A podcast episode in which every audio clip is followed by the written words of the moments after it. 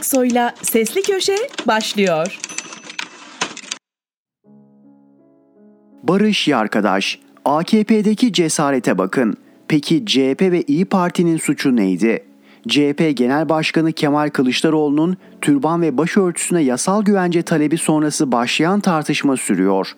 Kılıçdaroğlu'nun konuyu gündeme getirmesinin ardından bize gollük pas verdi diyen Cumhurbaşkanı ve AKP Genel Başkanı Erdoğan yasal yetmez anayasal güvence verelim çıkışını yaptı. Erdoğan'ın sözlerinin ardındansa anayasa değişikliği görüşmeleri başladı.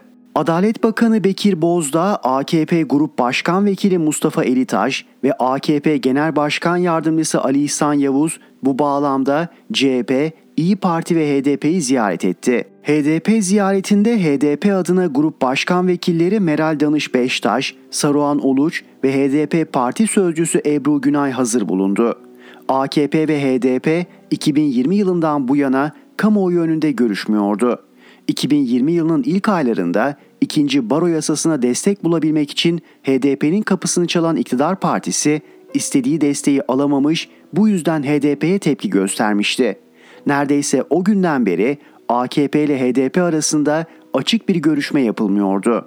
AKP zaten uzun süredir HDP'yi adeta terörist ilan etmiş, HDP'ye ilişkin bakışını MHP'nin pozisyonuna göre belirlemeye başlamıştı. Ancak Bekir Bozdağ'ın üstelik de Adalet Bakanı sıfatıyla HDP temsilcileriyle görüşmesi yeni soruları da beraberinde getirdi.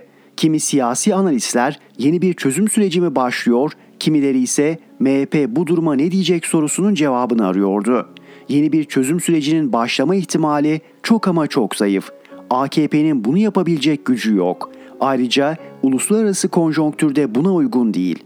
AKP'nin HDP'yi ziyaret etmesinin altında yatan sebep AKP'ye giden Kürt oylarının her geçen gün daha da azalması. Uzun bir süredir HDP'yi adeta şeytanlaştıran ve HDP'ye karşı çok sert bir dil kullanan AKP, ortağı MHP'nin diline teslim olduğu için Kürt seçmenle arasındaki makası aştı. AKP şimdi anayasa görüşmesini bahane ederek HDP ile AKP arasında kararsız kalan seçmene seslenmeye ve bölgede sempati kazanmaya çalışıyor.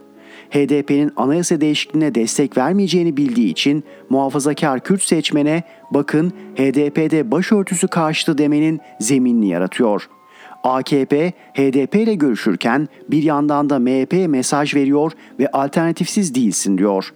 Tabii bu bağlamda AKP'nin hali cesur olduğunun da altını çizmek gerekiyor. Bir parti düşünün ki neredeyse 2015 yılından beri terörist ve terör uzantısı ilan ettiği HDP ile anayasayı değiştirmeyi görüşüyor ve bunu da olağan bir şekilde izah ediyor.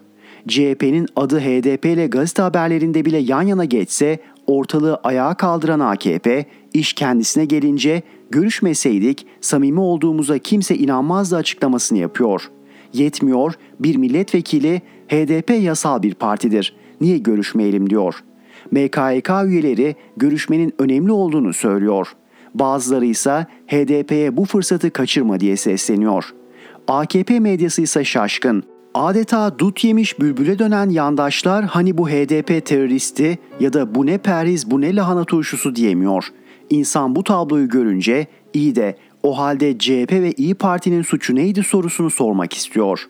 AKP ve medyası CHP ve İyi Parti'yi adları gazete haberlerinde dahi HDP ile yan yana anılınca lince tabi tutuyor ancak iş kendilerine gelince düne kadar söylediklerini birdenbire unutuyor. Tabii bu bağlamda ele alınması gereken esas konu yukarıda da ifade ettiğim üzere AKP'nin siyasi cesareti. Muhalefetteki CHP ve İyi Parti HDP'leri görünce yolunu değiştirmek zorunda kalırken AKP terörist dediği HDP ile anayasayı değiştiriyor. Sanırım bu tablodan en önemli dersi ise CHP ve İyi Parti'nin çıkarması gerekiyor. Barış Yarkadaş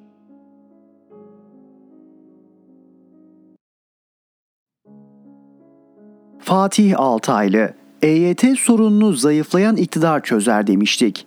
Emeklilikte yaşa takılanlar ya da kısa adıyla EYT'liler bir dönem gazetecileri, siyasetçileri, fikir önderlerini mail bombardımanına tutuyor, ciddi bir baskı grubu oluşturuyorlardı. Ben de onlara yönelik olarak 2018 yılında bir yazı kaleme aldım ve şöyle dedim. İktidar ortaklarının iki lideri de ayrı ayrı açıklamalarla bu grubun taleplerine olumsuz yanıtlar verdiler. Haliyle moralleri bozuldu. Çok da dert etmesinler. Siyasette dün dündür, bugün de bugün. Yarınsa bambaşka bir gün. Bu kararlar ve bu fikirler değişir. İktidar partisi AK Parti uzun iktidarın önemli bir bölümünde popülist politikalardan uzak durdu. Daha doğrusu seçim ekonomisi veya seçim kazanma amaçlı ekonomik vaatler uygulamadı. Ancak özellikle son iki seçimde tavır değiştirdi ve geçmişin partileri gibi seçim vaatleri arasına halkın kimisi ülke ekonomisi açısından tehlikeli veya karşılanması sorun yaratıcı vaatleri de aldı. Bu nedenle de eğer anket sonuçları iktidar partisinin istediği şekilde çıkmazsa EYT'lerin sorunlarının çözümüne ilişkin bir açıklamanın er ya da geç geleceğinden kimsenin kuşkusu olmasın. İktidar zayıfladıkça EYT meselesinin çözümü kolaylaşacaktır. Umutsuzluğa kapılmasınlar. Durmak yok, meyle devam. Bugün zannederim tam da bu noktaya geldi iktidar ve EYT meselesini çözecek. O halde yeri gelmişken 2017 yılındaki bir başka yazımı hatırlatayım. 2017 yılında da SSK'yı Kılıçdaroğlu değil Demirel batırdı diye yazmıştım. Emeklilik yaşını geriye çekerek SSK'nın açıklarını büyütme kararını veren Genel Müdür Kılıçdaroğlu değil Demirel Çiller ikilisiydi. Kılıçdaroğlu tam aksine o gün genel müdür olarak bunun bir felaketle sonuçlanacağı uyarısında bulunmuş ve emeklilik yaşının geri çekilmemesi gerektiğini söylemişti. Bugün isim değiştirerek SGK adını alan kurumun verdiği açık Kılıçdaroğlu döneminin kat be kat fazlası. Şu anda SGK Genel Müdürü'nün adını bilen yok. Hadi sıkıysa çıkıp SGK'yı batırıyorsunuz desin bakalım. Çünkü AK Parti kafasına göre SGK'yı o batırıyor. Paketinde zehir olsa bana getir. Bir gıda firmasının adını da verelim Arifoğlu baharatlarının Singapur'a yolladığı ürünlerin içinde kanserojen endüstriyel renklendirici bulunup ürünlerin satışı Singapur tarafından yasaklandı. Haliyle Türkiye'de kıyamet koptu. Singapurlu'nun kullanmadığı ürünleri biz kullanıyoruz diye. Bu kıyamet zaten sık sık kopar. Rusların almadığı domatesi, İngilizlerin kabul etmediği çileyi bize yediriyorlar diye bağırışır, sonra oturur afiyetle yeriz. Ancak bu kez ortada ciddi bir marka var ve ben dahil pek çok kişi muhtemelen bu markanın tüketicisi. Gelişmeler üzerine Arifoğlu'ndan bir açıklama geldi. Ürünleri Singapur tarafından yasaklanan Arifoğlu biz değiliz. Markayı ortak kullandığımız bir başka Arifoğlu. Hayda, olaya bakın. Logo aynı logo, rengiyle, şekliyle, her şeyle birebir aynı. Görebildiğim kadarıyla sadece paketlerin zemin renginde bir farklılık var. Ama tüketicinin bunu ayırt etmesi, anlaması mümkün değil. Arifoğlu mu? Arifoğlu. Aynı logo mu? Aynı logo. Gerisi fasafiso. Tüketici nereden bilecek farkı? Belli ki aile şirketiymiş. Sonra anlaşamamışlar, bölünmüşler. Bölününce ikisi de aynı logoyu, aynı markayı kullanan iki şirket çıkmış ortaya. Onlar geçinememiş, tüketici kandırılmış ve şimdi bu şirketlerden birinin rezaleti yüzünden diğeri de zor günler geçirecek. Belki de batacak. Tam Türk işi bir durum. Tarlaları böler batarız, şirketleri böler batırırız. Bu yüzden başka hiçbir ülkenin kültüründe biz adam olmayız diye bir şey yok. Bu da bir beka sorunu. Dün zannederim kamuoyu benim bir tweetimle haberdar oldu. Sarıyer'deki Ormanada sitesinde oturan Sırp mafya liderinin bahçesinde yapılan kazıdan. Kazının bir de videosunu koydum sosyal medya hesabıma. Herkes alıp kullanmış. Kaynak belirtmeden. Bir iki internet sitesi hariç. Ormanada sitesindeki kazı 3 gündür sürüyordu aslında. Önce toprak altına gömülmüş uyuşturucu arandığını düşündü komşular. Sonra öldürüp toprağa gömülmüş kişilerin arandığı anlaşıldı. Emniyet olayı büyük bir gizlilik içinde yürüttüğü ve site sakinlerine bile konuşmamaları buyurulduğu için site içinde kulaktan kulağa yayılmaya başladı olay. Bana da görüntüler öyle geldi. Daha sonra da komşulardan 3 ceset çıkarıldı. Üçü de kadınmış iddiası ortaya atıldı. Bunu da iddia olarak duyurdum. Oda TV internet sitesi haberi alıp genişletti, detaylar ekledi. Saatler sonra İstanbul Emniyeti bir açıklama yaparak olayı doğruladı ama ceset bulunamadı dedi. Komşularsa bu noktada hala şüphe duyuyor. Resmi açıklamaya inanmaktan başka çaremiz yok. Muhtemelen olayı duyurmasak resmi bir açıklamada olmayacaktı. Vahim olansa benim bu köşede aylardır yazıp çizdiğim gibi artık büyük kentlerimiz uluslararası mafyanın kol gezdiği, dünyanın çeşitli suç örgütlerinin liderlerinin cirit attığı bir ülke haline geldi. Gün geçmiyor ki bir uluslararası mafya hesaplaşması olmasın, birkaç kişi ölmesin. Yollarda Balkan ve Kafkas ülkelerine ait plakalar taşıyan Rolls Royce'lar, Bentley'ler, zırhlı Mercedes Maybach'lar, Lamborghini'ler, her biri birkaç milyon dolarlık otomobiller kol geziyor. Bir lokantada yemek yerken köşelerde karanlık tipli korumaların bir masadakileri koruduğunu görmek artık vakayı adiyeden oldu. Bunların yanına bir de Orta Doğu'yu karıştıran siyasi görünümlü terör örgütlerinin mensuplarını koyun. Nasıl bir barut fıçısının üzerinde oturduğumuzu anlayın. Göçmenler nasıl ki Türkiye'nin beka sorunuysa bu da aynı ölçüde bir beka sorunu. Hepimizin kucağında büyüyen ve hepimizi tehdit eden bir sorun. Ne zaman insan oluruz? Yerli ve milli diyen herkesi milli zannetmediğimiz zaman. Fatih Altaylı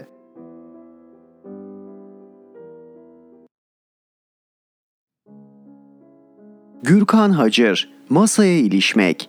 Yeniden Refah Partisi'nin ikinci olağan kongresi vardı hafta sonu. Seçimde sürpriz parti olarak görülüyor. Sürpriz dediysem anketlerde %1-2 bandında gözüküyor. Seçime kadar ne olur bilmem ama şu an yeni kurulmuş bir parti için fena bir başlangıç değil. Ama anlatmak isteyeceğim şey başka.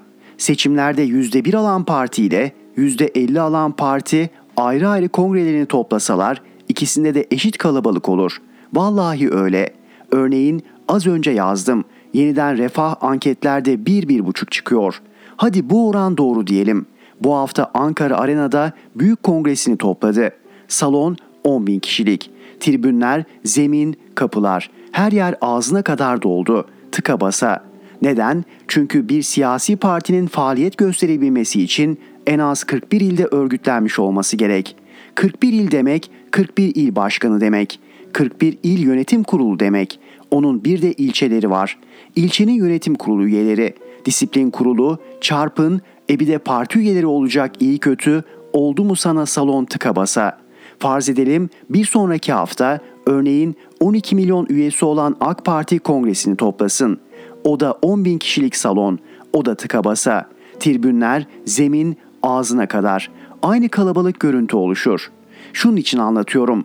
Herhangi bir partinin genel başkanlık koltuğuna oturdunuz mu, çevrenizde algılayabileceğiniz kalabalık aynıdır. %1 de olsanız aynı, %51 de olsanız aynı. Sizi aynı sayıda kalabalık karşılar, aynı sayıda kalabalık uğurlar. Milim fark olmaz. Seçime girme hakkı kazanan 23 parti var. Bunlardan 5'i siyasetin ana aktörü.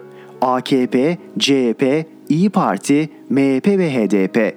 Peki ya gerisi? Geride tam 18 parti var. Yeni kurulan 6 partiyi de buna ekleyin. Oldu mu sana 24? Tam 19 parti %1 ila 3 arasında bir oy hesabı yapıyor. 50 artı 1'in hayati önem kazandığı başkanlık sisteminde %1'in pazarlık masasına oturmayı hedefliyor. Neden herkes çılgın gibi parti kurma yarışında? Çünkü herkes kendi borusunun öteceği bir dükkan peşinde. Herkes %1'in peşinde, hatta yüzde yarımın. Oysa siyaset bir iddia işidir. Peki mesela son 5 seçimdir %1 bile alamayan partinin iddiası nerede? Niye halen yola devam ediyor? Niye halen genel başkanlık koltuğunda aynı kişi oturuyor? Sebebi basit. Her parti kıyısından masaya ilişmek istiyor. Kah altılı masaya, kah cumhur masasına. İlişebilenler ayakta kalacak, varlığını sürdürecek. Başaramayanlarsa seçimden sonra dükkanı kapatacak. Gürkan Hacer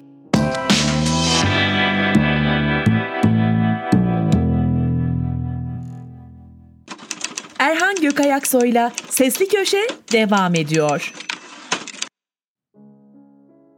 Mehmet Ali Güller, Londra tefecilerinin kirli parası. CHP Genel Başkanı Kemal Kılıçdaroğlu ABD'den sonra İngiltere'ye gitti. ABD'ye giderken bunu bilim ve teknoloji ziyareti diye açıklamıştı. İngiltere ziyaretinde bu gündemine ek yaptı. Temiz para bulmaya gidiyorum. Baştan belirtelim İngiltere'de temiz para yok, Londra tefecilerin verdiği borçlar dünyanın en kirli paralarıdır.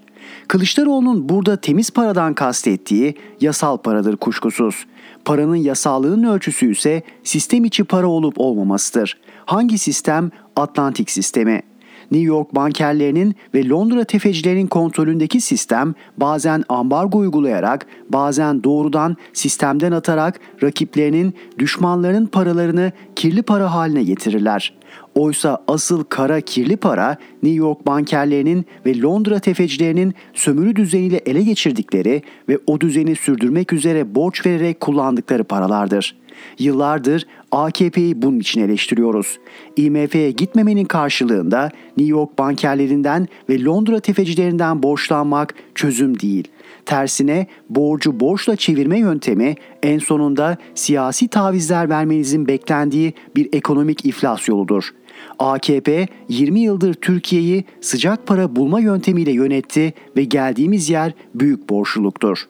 Kılıçdaroğlu'nun temiz para söylemi, iktidarın yukarıda işaret ettiğimiz o borç çemberinin zaman zaman dışına çıkarak bulmaya çalıştığı paralarla ilgili aynı zamanda. İktidarın bulabildiği borçların yetmediği durumlarda ülkeye çağırdığı o paralara tepki göstermek ne kadar doğruysa bunlara itiraz ederken Londra tefecilerinin parasına sarılmak da o kadar yanlıştır. Rıza Sarraf örneği tipiktir. Sarraf temsilciliğini yaptığı İran'daki asıl para sahibini dolandırmış, AKP'nin kolaylaştırıcılığı sayesinde hem Türkiye'yi hem İran'ı kazıklayarak ABD'ye sığınmıştır. Bundan ders çıkarmayanlar sıcak para ihtiyacıyla Balkanlardan Kafkaslara, Doğu Avrupa'dan Orta Doğu'ya yüzlerce para sahibine kolaylaştırıcı fırsatlar sunmaya devam ediyorlar. İş rakiplerin ülkemizde silahlı çatışmalarının rutinleşmesine dönüştü. Yani sorun sıcak paracılıktır. Sıcak parayı New York bankerlerinden mi, Londra tefecilerinden mi, kara paracılardan mı yoksa körfez şeyhlerinden mi bulacağınız durumu değiştirmiyor. Nitekim altılı masanın Ali Babacan'ı da özetle ben AKP'den daha iyi sıcak para bulurum çünkü geçmişte AKP'ye sıcak parayı ben buldum diyor. Dolayısıyla iktidarla muhalefetin ekonomi politik farkı sıcak paraya ulaşma kolaylığı zorluğu farkından ibaret kalıyor. Böyle olacağı en başından belliydi. Örneğin Kılıçdaroğlu belirli isimlere verilen elektrik işlerini kamulaştırabileceği sinyalini verdiğinde AKP'den önce altılı masa ortağı devadan tepki görmüştü. Babacan'ın yardımcıları ekran ekran dolaşıp kamulaştırma değil daha çok özelleştirme propagandası yapmıştı. Çünkü Türkiye'nin o en büyük özelleştirme adı altında yapılan yağmasında Babacan'ın da rolü vardı. Babacan 31 Mayıs 2013'te Türkiye Büyük Millet Meclisi'nde şöyle diyordu. Bizden önce 13 hükümet sadece 8 milyar dolarlık özelleştirebildi. Bizse tam 42 milyar dolarlık özelleştirdik. Babacan'ın bu sözlerine CHP milletvekili sıralarından tepki geliyor. Süleyman Çelebi bu övünülecek bir şey değil diyordu. İşte o CHP'den Londra tefecilerinden para bulabilmeyle övünen CHP'ye gelmiş bulunmaktayız. Tüm bu eleştirileri niye yapıyoruz? Cumhuriyeti yıkmakta olan AKP'nin yıkılabilmesi için iktidarın ilk kez bu kadar dezavantajlı başladığı seçim yarışında muhalefetin yaptığı hatalara o nedenle tepki gösteriyoruz. Olmayan türban sorununa yasallık çözümü açıklayıp ABD'ye gitmek, Türkiye Büyük Millet Meclisi'ndeki sansür yasası oturumlarında olunmamasını nasıl olsa AKP sayısal çoğunluğuyla yasayı çıkaracaktı diye gerekçelendirmek, ardından temiz para bulmak için İngiltere'ye gitmek, oralarda tarafçılarla poz vermeyi sürdürerek tarafını işaretlemek. Tüm bunların AKP saflarında yarattığı memnuniyet bile öğretici olabilmeli oysa. Mehmet Ali Güller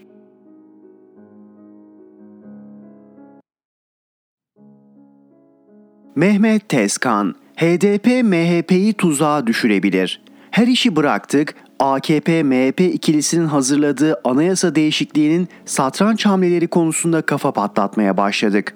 Çünkü ihtiyaçtan, toplumsal talepten, kamuoyu baskısı nedeniyle hazırlanan anayasa değişikliği değil, tamamen siyasi, tamamen rakibini sıkıştırmaya yönelik, tamamen siyasi menfaat amaçlı. Önce anlık pozisyonlara bakalım. CHP anayasa değişikliğine karşı olduğunu söyledi. İyi Parti metni görmeden yanıt vermeyeceğini bildirdi. HDP partilerinde tartışmanın sürdüğünü, destek vermek konusunda henüz karar veremediklerini ilan etti. Grup Başkan Vekili Beştaş, Halk TV canlı yayınında temel hak ve hürriyetlerin referandum konusu olmayacağının altını çizdi. Bu konuda kararımız net dedi. Beştaş'ın sözlerinden çıkan sonuç şu. HDP de hayır diyecek. Neden mi? HDP destek verirse anayasa değişikliği 360 oyu bulur, mecburen doğru referanduma gidilir. Ama HDP referanduma karşı. HDP destek vereceğini açıklarsa ne gırgır olur ama. MHP HDP ile omuz omuza AKP'nin istediği anayasayı değiştiriyor. Siyaseten tadından yenmez. Haftalarca mevzu olur. Ya HDP destek verirse diye başta Bahçeli tüm MHP'lerin yürekleri gümbür gümbür atıyordur. Olur mu olur? Siyaset bu. HDP MHP'ye tuzak kurabilir. Nasıl mı? MHP'yi zora sokmak için destek açıklaması yapar ama referanduma gitmemesi için gizli oylamada HDP'li vekillerin çoğu retoyu verir. Bir parantez açayım. Siyasi hayatımızda örneği var. Gül'ün başbakan olduğu AKP hükümeti 1 Mart tezkeresini meclise yolladı. AKP Genel Başkanı Erdoğan kabul oyu vermeleri için taze milletvekillerine baskı yaptı. CHP ve 100 AKP'li vekilin oyuyla tezkere reddedildi. Şahsen böyle bir gelişme yaşanırsa çok eğlenirim. İktidara tam destek veren kanallar anayasa değişikliği görüşmeleri sırasında nasıl yayın yapar acaba? Tartışma programlarında bu konuyu ele alırlar mı? Görmezden, duymazdan, bilmezden gelirler mi? Arada HDP var diye anayasa değişikliğini savunmazlar mı? Şimdi diyeceksiniz ki İyi Parti'yi yok sayma. Onlar destek verirse referandum tuzağına düşmezler ama bir an için verdiklerini düşünelim. Veya destek veriyormuş gibi yapıp siyaseten oyaladıklarını. Siyasi satrançta kıstırma hamleleri yaptıklarını düşünün. MHP yine zilletle omuz omuza. Hayda, Bahçeli için aman tanrım. Dedim ya, AKP anayasa değişikliğini meclise getirirse oyun içinde oyun çok. Her parti siyasetin satranç tahtasına oturmuş bir sonraki hamleyi planlıyor. Tahminim odur ki bu tehlikeleri gören Erdoğan anayasa değişikliği önerisini meclise göndermeyecek. Muhalefet destek vermedi diye meydanlarda diline dolayacak. Hazırladıkları metni destek istedikleri partilere göstermemelerinin nedeni bu galiba. Mehmet Tezkan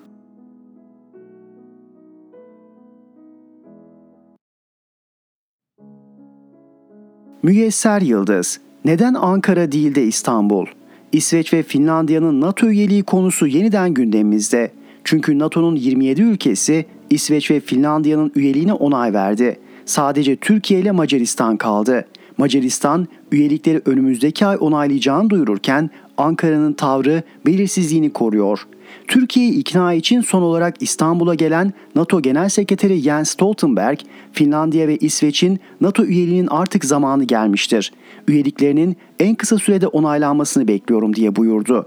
Hatırlanacaktır Erdoğan PKK, YPG, PYD, FETÖ terör örgütlerini destekledikleri ve Türkiye'ye silah ambargosu uyguladıkları için bu iki ülkenin NATO üyesi yapılmasına karşı çıktı. Ancak geçtiğimiz Haziran'da Madrid'de düzenlenen NATO Liderler Zirvesi öncesi ABD Başkanı Biden'ın aramasından sonra üyelik işlemlerinin başlamasını kabul etti. Buna ilişkin NATO Genel Sekreteri Stoltenberg'in huzurunda üç ülkenin Dışişleri Bakanı tarafından bir mutabakat zaptı imzalandı. O mutabakat zaptında sadece PKK'dan söz edildiği halde Erdoğan söz konusu ülkeler ve NATO'nun PYD, YPG ve FETÖ'yü terör örgütü olarak tanıdığını, ayrıca bunun bir NATO belgesi olduğunu söyledi. NATO üyeliği için gün sayan iki ülkenin gelinen noktadaki tavrını özetleyelim. İsveç'in yeni Dışişleri Bakanı Tobias Billström, Türkiye'nin terör örgütü PKK-YPG ile ilgili endişelerini paylaştığını belirterek PKK söz konusu olduğunda İsveç hükümeti anlamsız bir davranışta bulunmayacak dedi. PYD ve YPG için şüpheli ifadesini kullanan Billström bu örgütlerle aralarına mesafe koyacaklarını kaydetti. Şüpheliymiş, aralarına mesafe koyacaklarmış. Üyelik kesinleştikten sonra terör örgütleriyle yeniden safları sıklaştırmamanın garantisine Kaldı ki başta ABD, NATO'nun pek çok üyesi bu terör örgütlerinin tümünü başı üstünde taşırken İsveç mesafe koysa ne olur, koymasa ne olur? Finlandiya Dışişleri Bakanı Pekka Haavisto'ya geçelim. O da Türkiye'nin güvenlik ve terörizm anlamında endişeleri olduğunu kaydedip elbette tüm endişeleri dinliyor ve mevzuatımıza ve uluslararası anlaşmalara göre neler yapabileceğine bakıyoruz diye konuştu. Özetle Garp cephesinde değişiklik yok.'' Türkiye'yi ikna için çarşamba günü İstanbul'a gelen NATO Genel Sekreterinin temaslarından da kısaca söz edelim. İlk olarak Dışişleri Bakanı Mevlüt Çavuşoğlu ile görüştü. Düzenlenen ortak basın toplantısında Stoltenberg, tahıl koridoru anlaşması için Türkiye'ye ve Erdoğan'a takdir ve teşekkürlerini sunarken NATO üyesi yapılacak iki ülkenin Türkiye ile imzaladığı anlaşmadaki taahhütleri yerine getirdiğini anlattı. Bakan Çavuşoğlu da iki ülkenin bazı adımlar attığını ancak henüz anlaşmadaki tüm unsurların uygulanmadığını vurgulayıp bizim derdimiz NATO'ya zarar vermek veya genişlemesini engellemek değil. Amacımız Finlandiya ve İsveç'in terörle mücadelede önemli adımlar atması değerlendirmesini yaptı. Stoltenberg, Cuma günü ise Savunma Bakanı Hulusi Akar'la yine İstanbul'da bir araya geldi. Ardından beraberce Gelibolu Yarımadası'ndaki Şehitler Abidesi'ne gittiler. Sonra Gelibolu veya İstanbul'da bir kez daha görüştüler. Bu son görüşmeye ilişkin Milli Savunma Bakanlığı'ndan yapılan açıklamada bölgesel savunma ve güvenlikle NATO konularının ele alındığı, Bakan Akar'ın Türkiye'nin görüşlerini ifade ettiği, ayrıca bugüne kadar NATO'daki sorumluluklarını yerine getiren Türkiye'nin bundan sonra da getirmeye devam edeceğini aktardığı bildirildi. Stoltenberg aynı gün akşam Dolmabahçe Sarayı'nda Erdoğan tarafından kabul edildi. Cumhurbaşkanlığı İletişim Başkanlığı görüşmede Rusya-Ukrayna Savaşı ve Yunanistan'ın mütecaviz eylemlerinin yanı sıra Türkiye, İsveç, Finlandiya arasındaki üçlü muhtıranın ele alındığını, Erdoğan'ın üyelik sürecinin hızını ve ne zaman nihayetleneceğini bu ülkelerce atılacak adımların belirleyeceğini söylediğini duyurdu. Erdoğan'ın eşi Emine Erdoğan da görüşmeye ilişkin NATO Genel Sekreteri Sayın Jens Stoltenberg ve değerli eşi dostum Ingrid Schellrut'la İstanbul'da buluşmaktan büyük mutluluk duyduk. Bu ziyaretin ülkemizi yakından tanımalarına vesile olduğuna inanıyor, yeniden bir araya gelmeyi diliyorum paylaşımını yaptı. Stoltenberg'in tüm bu görüşmelerden sonraki değerlendirmeleri ise özetle şunlar oldu. Milli Savunma Bakanı Akar'la Çanakkale'ye giderek anıtları görmek ve savaşın tüm vahşetinin yanı sıra savaşı önleyerek barışı amaç edinmenin önemini hatırlamak büyük bir onurdu. NATO işte tam da bu yüzden yani barışı korumak için var. Bu nedenle NATO müttefiklerinin hiçbirinin saldırıya uğramamasını sağlamak için NATO'da omuz omuza durmamız gerekiyor. Türkiye, Finlandiya ve İsveç ortak memorandumu kabul etti.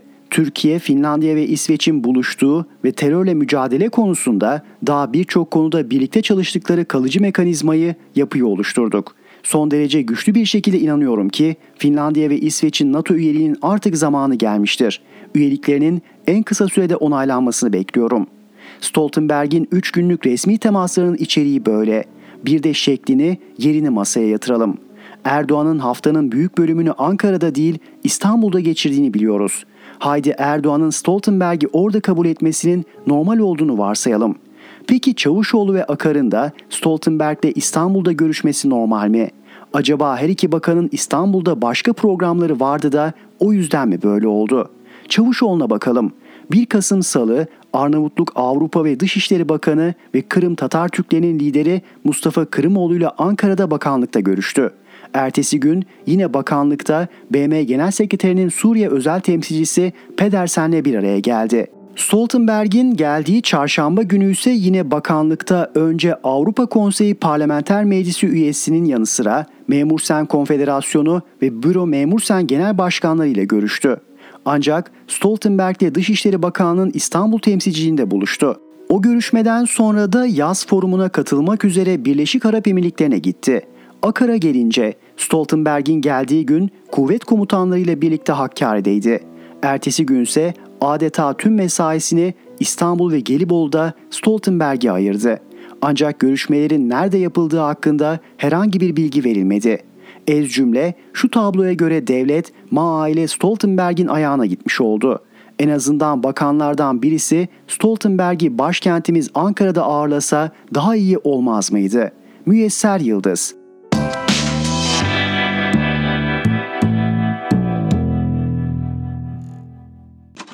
Erhan Gökayaksoy'la Sesli Köşe devam ediyor.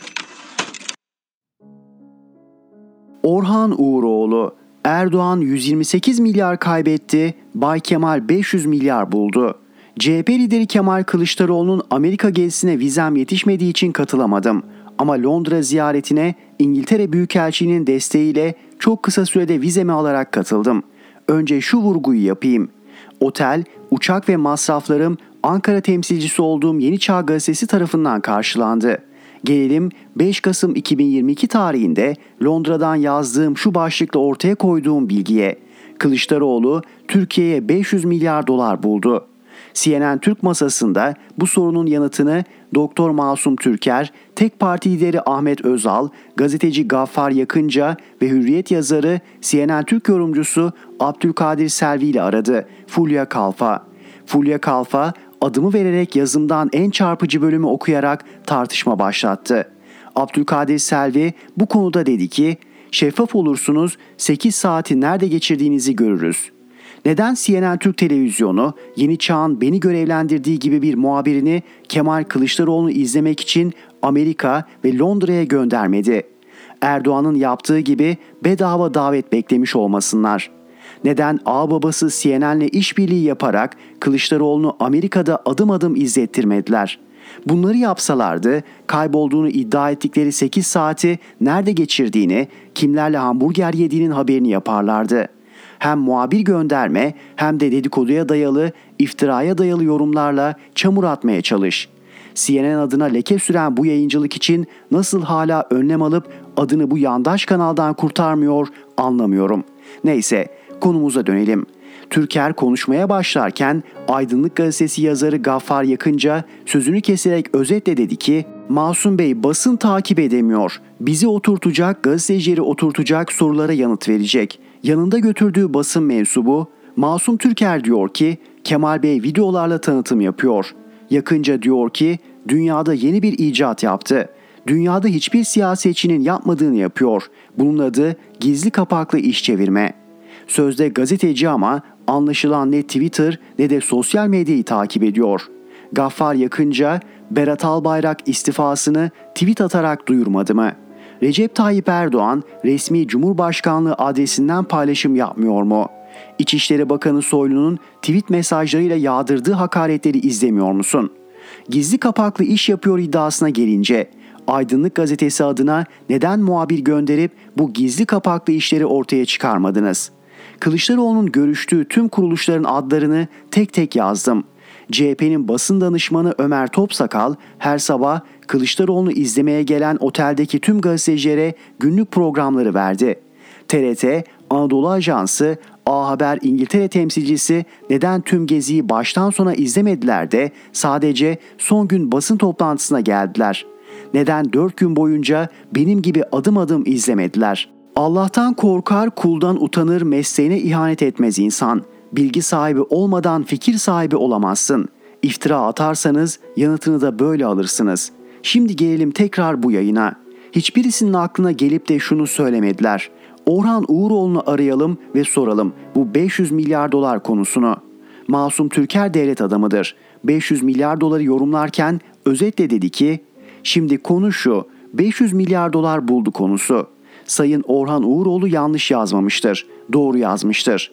Bugün ister belediye, ister iktidar büyük mali yatırım konuları yatırımcılar tarafından getirilmiştir. Sol partiler buna kapalıydı. Rahmetli Turgut Özal ve AK Parti bunu yıktılar. Yatırımcı önerdi, iktidarlar kabul etti ve yatırımlar yapıldı. Sayın Uğuroğlu'nun yazdığı gibi Sayın Kılıçdaroğlu yatırımcı arayışına çıkmış. İleri teknoloji yatırımlarının taahhütlerini almış. Bunları açıklamasını beklemeyelim. 5 trilyon dolar portföyü olan yatırımcı grup 500 milyar dolarlık yatırımı Türkiye'ye önerebilir.'' Sayın Uğuroğlu 50 yıllık deneyimli ve hep doğruyu söyleyen bir gazeteci. Tek Parti Genel Başkanı Ahmet Özal ise 500 milyar dolar konusunda şunları söyledi. Bizim 500 milyar dolar yatırım konusuna büyük pencereden bakmamız lazım. Covid sonrası ve Rusya-Ukrayna savaşı ile beraber Batı Çin ve Güney Asya ülkelerindeki yatırımlarını çekmeye başladı. Özellikle yüksek teknoloji ile ilgili çip üretiminin %80'i Çin ve Güneydoğu Asya ülkelerinde. ABD'nin ileride Çin'le gireceği mücadelenin kaçınılmaz olduğunu bilen teknoloji yatırımları için bu paraların Türkiye'ye gelmesi çok mümkündür. ABD sadece çip yatırımları için 150 milyar dolar ayırdığını açıkladı. Yani Batı'nın ihtiyacı olan mekatronik ve sanayi makineleri için gerekli malzemelerin tedarik problemini şimdiden gören Batılı ülkelerin hedeflediği iki ülkeden biri Polonya, biri Türkiye'dir. Eğer Türkiye yönetimi adalet ve liberal ekonomi modellerinden vazgeçmez ve sağlamlaştırırsa bu yatırım miktarı 500 milyar dolar değil 1 trilyon dolar olur. Her şey bizim sağlam yönetim ve sağlıklı ekonomimize bağlıdır. Değerli okurlarım, 7 milyon kişi TOKİ'ye sosyal konut için başvurdu. AKP iktidarı hepsini karşılayacak mı? Kılıçdaroğlu'nun Türkiye'ye, çocuklarına, gençlerine 500 milyar dolar kaynak bulduğunu yazmam neden panik yarattı biliyor musunuz? Erdoğan 128 milyar kaybetti, Bay Kemal 500 milyar buldu. Yandaş yorumları yalan dolan. Orhan Uğuroğlu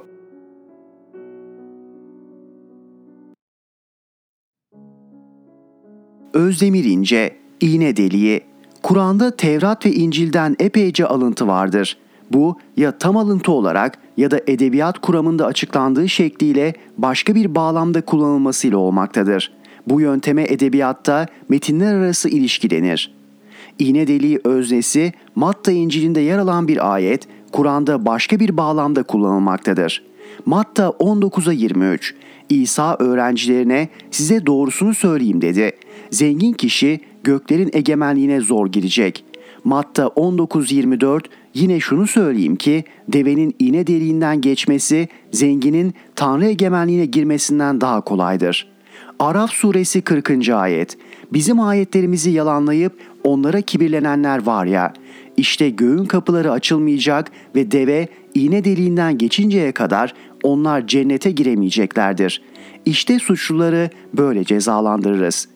İncil'de zenginlerin cennete girmesinin imkansız olduğunu yazarken Kur'an'da Tanrı'nın ayetlerine inanmayarak kibirlenenlerin cennete giremeyeceğini yazmakta.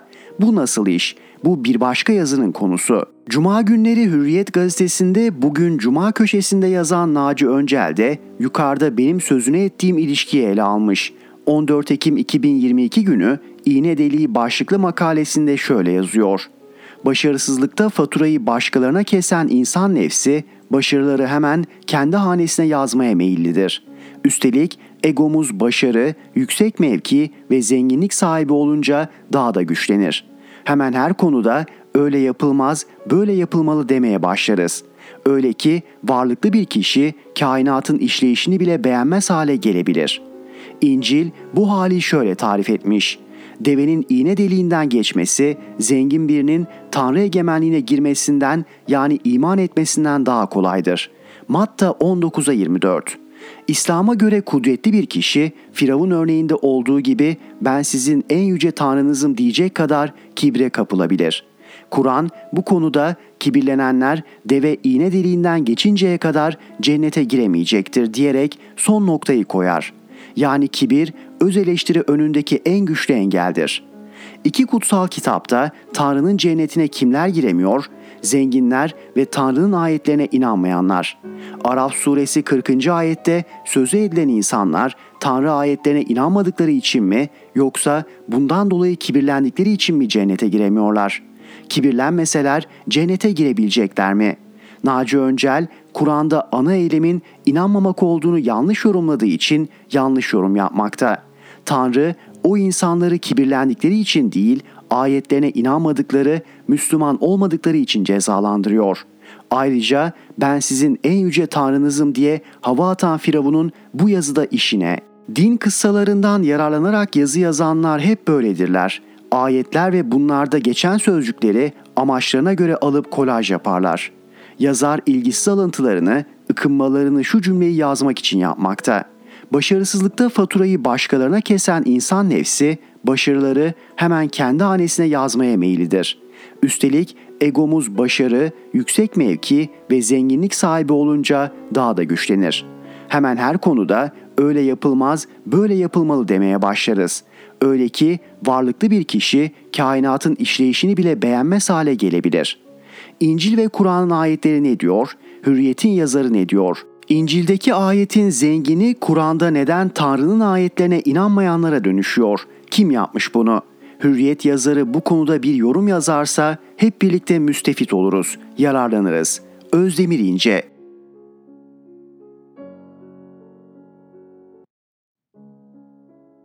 Rifat Serdaroğlu Sırtımızda dört bıçak barış süreci, dinler arası diyalog, medeniyetler arası ittifak, sığınmacılar. Dört bıçağı da sırtımıza Atatürk Cumhuriyeti yerine siyasal İslam'ı, FETÖ'yü, El Nusra'yı ve İhvan terör örgütünü dost olarak tercih eden AKP sapladı. Sizler bu acıları unutabilirsiniz, Günlük ekonomik problemlerinizi öne alabilirsiniz. İktidardan korkabilirsiniz ama yüreğinde bir nebze vatan ve Atatürk sevgisi bulunan Türk evlatları bu bıçak darbelerini hiç unutmayacaktır. Bizde hem Türk tarihine not düşmek hem de AKP güdümündeki satılık basının saptırmalarına yanıt vermek için sırtımızdaki dört bıçağı hatırlatalım dedik. AKP önderliği ve sözcüleri aniden Türk milliyetçisi olduk dediler ya. Hani o ayaklar altına aldıklarını söyledikleri Türk milliyetçiliği var ya işte ondan. Kendileri sözüm ona Türk milliyetçisi oldu. Kendilerinden başka herkesi PKK'lı, herkesi terörist, herkesi FETÖ'cü ilan ettiler. Çözüm süreci çözüm sürecinin ve sonuçlarının tüm sorumlusu AKP'dir. Silah bırakmayan, insan öldürmeye devam eden, 54 bin insanımızın hayatını ve yüz milyarlarca dolar paramızı çalan PKK narko terör örgütüyle pazarlık yapıp ona dünya kamuoyunda güç kazandıran AKP'dir. 63. AKP hükümetine iki HDP'li bakan sokan AKP'dir.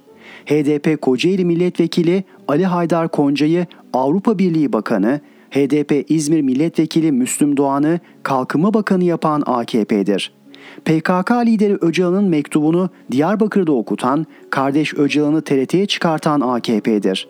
Barzani'ye güç verip Kuzey Irak'ta Kürdistan Devleti'nin ilk parçasının kurulmasına yol veren AKP'dir. Cumhuriyet Bayramı günü peşmergelerin PKK bayraklarıyla ve ağır silahlarıyla ülkemizden geçmelerine izin veren AKP'dir. ABD ile sözüm ona stratejik ortaklığa devam edip Kürdistan Devleti'nin ikinci parçasının Suriye'de kurulmasının yolunu ABD ve PYD'ye açan AKP'dir. Türk askerini, polisini öldüren PKK'lı katilleri Habur'da davul zurna ile karşılayan AKP'dir. Dinler arası diyalog Papa II. Paul 1991 yılında Kurtarıcı Misyon isimli genelgesinde dinler arası diyalog kilisenin bütün insanları kiliseye döndürme amaçlı misyonunun bir parçasıdır. Bu misyon aslında Mesih'i ve İncil'i bilmeyenlere ve diğer dinlere mensup olanlara yöneliktir diyordu. Bu proje Vatikan'ın 1950'li yıllarda hazırladığı bir projedir. Türkiye'de bu projeye en büyük desteği Fethullah Gülen vermiştir. Hatta bugün üzerinde yalan yere fırtınalar kopartılan ezandan Hz. Muhammed'in adının çıkarılmasını öneren ve kendi ibadetlerinde kullananlar da FETÖ'cülerdir. AKP önderliği dinler arası diyalog saçmalığını FETÖ ile beraberce hayata geçirmiştir. AKP'nin ve FETÖ'nün Ali İmran suresi 19. ayeti bilmemeleri mümkün müdür? Ali İmran 19 der ki Allah indinde hak din sadece İslam'dır. Bunları yapan bir parti Müslümanlığa en büyük darbeyi vurmuştur. Medeniyetler arası ittifak eski İspanya Başbakanı Zapatero ile dönemin Başbakanı Erdoğan'ın başlattıkları bir projedir. Hangi medeniyetle ittifak yapacağız? Irak'a, Suriye'ye demokrasi getireceğiz diye milyonlarca Müslümanı yurdundan eden, 1,5 milyon Müslümanı katleden, yüz binlerce Müslüman kadına tecavüz eden, Kur'an'ı nişangah yapan, ülkelerin zenginliklerini çalan ABD ile mi? Milyonlarca Kızılderiliyi çiçek mikrobuyla öldüren ABD ile mi? Cezayir'de yüz binlerce Müslümanı katleden Fransa ile mi? Avrupa'yı kana bulayıp 6 milyon insanı fırınlarda yakan Almanya ile mi? Yahudileri toplu olarak katleden İspanya ile mi? Filistinleri katledip Kudüs'ü başkent ilan eden İsrail ile mi? Çok haklı olduğumuz bir davada bizi soykırım yapan bir millet olarak suçlayanlarla mı? AKP önderliğinin sığ bilgisiyle Türkiye'yi kaybettirmemesi mümkün mü? Gelişmiş toplumların ortak değeri medeniyet ittifakı olmaz. Çünkü bunlar yutmak, yok etmek üzere programlanmış emperyalist devletlerdir. Milletlerin demokratik, insani ve ahlaki değerleri olur. İttifak yapılacak değerler eşitlik, geçmişe saygı, adalet, özgürlük, tam bağımsızlık, dürüstlük gibi evrensel değerlerdir. Sadece bu değerler için her devlette ittifak yapılabilir. Sığınmacılar demografik bomba. Bölgede ikinci İsrail olarak görev yapacak Kürt devletinin ikinci parçasını rahatça kurmak için yaklaşık 10 milyon sığınmacıyı Türkiye'nin içine, 3 milyon kişiyi de sınırımızın hemen kenarına sürüp ülkemize demografik bombanın konulmasını sağlayan AKP ve onun genel başkanı Erdoğan, Davutoğlu ve Babacan'dır. Bu problemle önümüzdeki 10 yıllar boyu uğraşacağız. Değerli okurlar, tabii ki dünyaya açık olacağız. Tabii ki devletler arası dostluklar, ittifaklar kuracağız. Ama bir şartla, devletler arası karşılıklılık esasına göre Türk milletinin sırtına bu bıçakları bilerek saplayan AKP ve ortağı MHP hangi yüzle Türk milletinden oy isteyecek? Bunlara oy verenlerin sorumluluğunu dağlar bile taşıyamaz. Rifat Serdaroğlu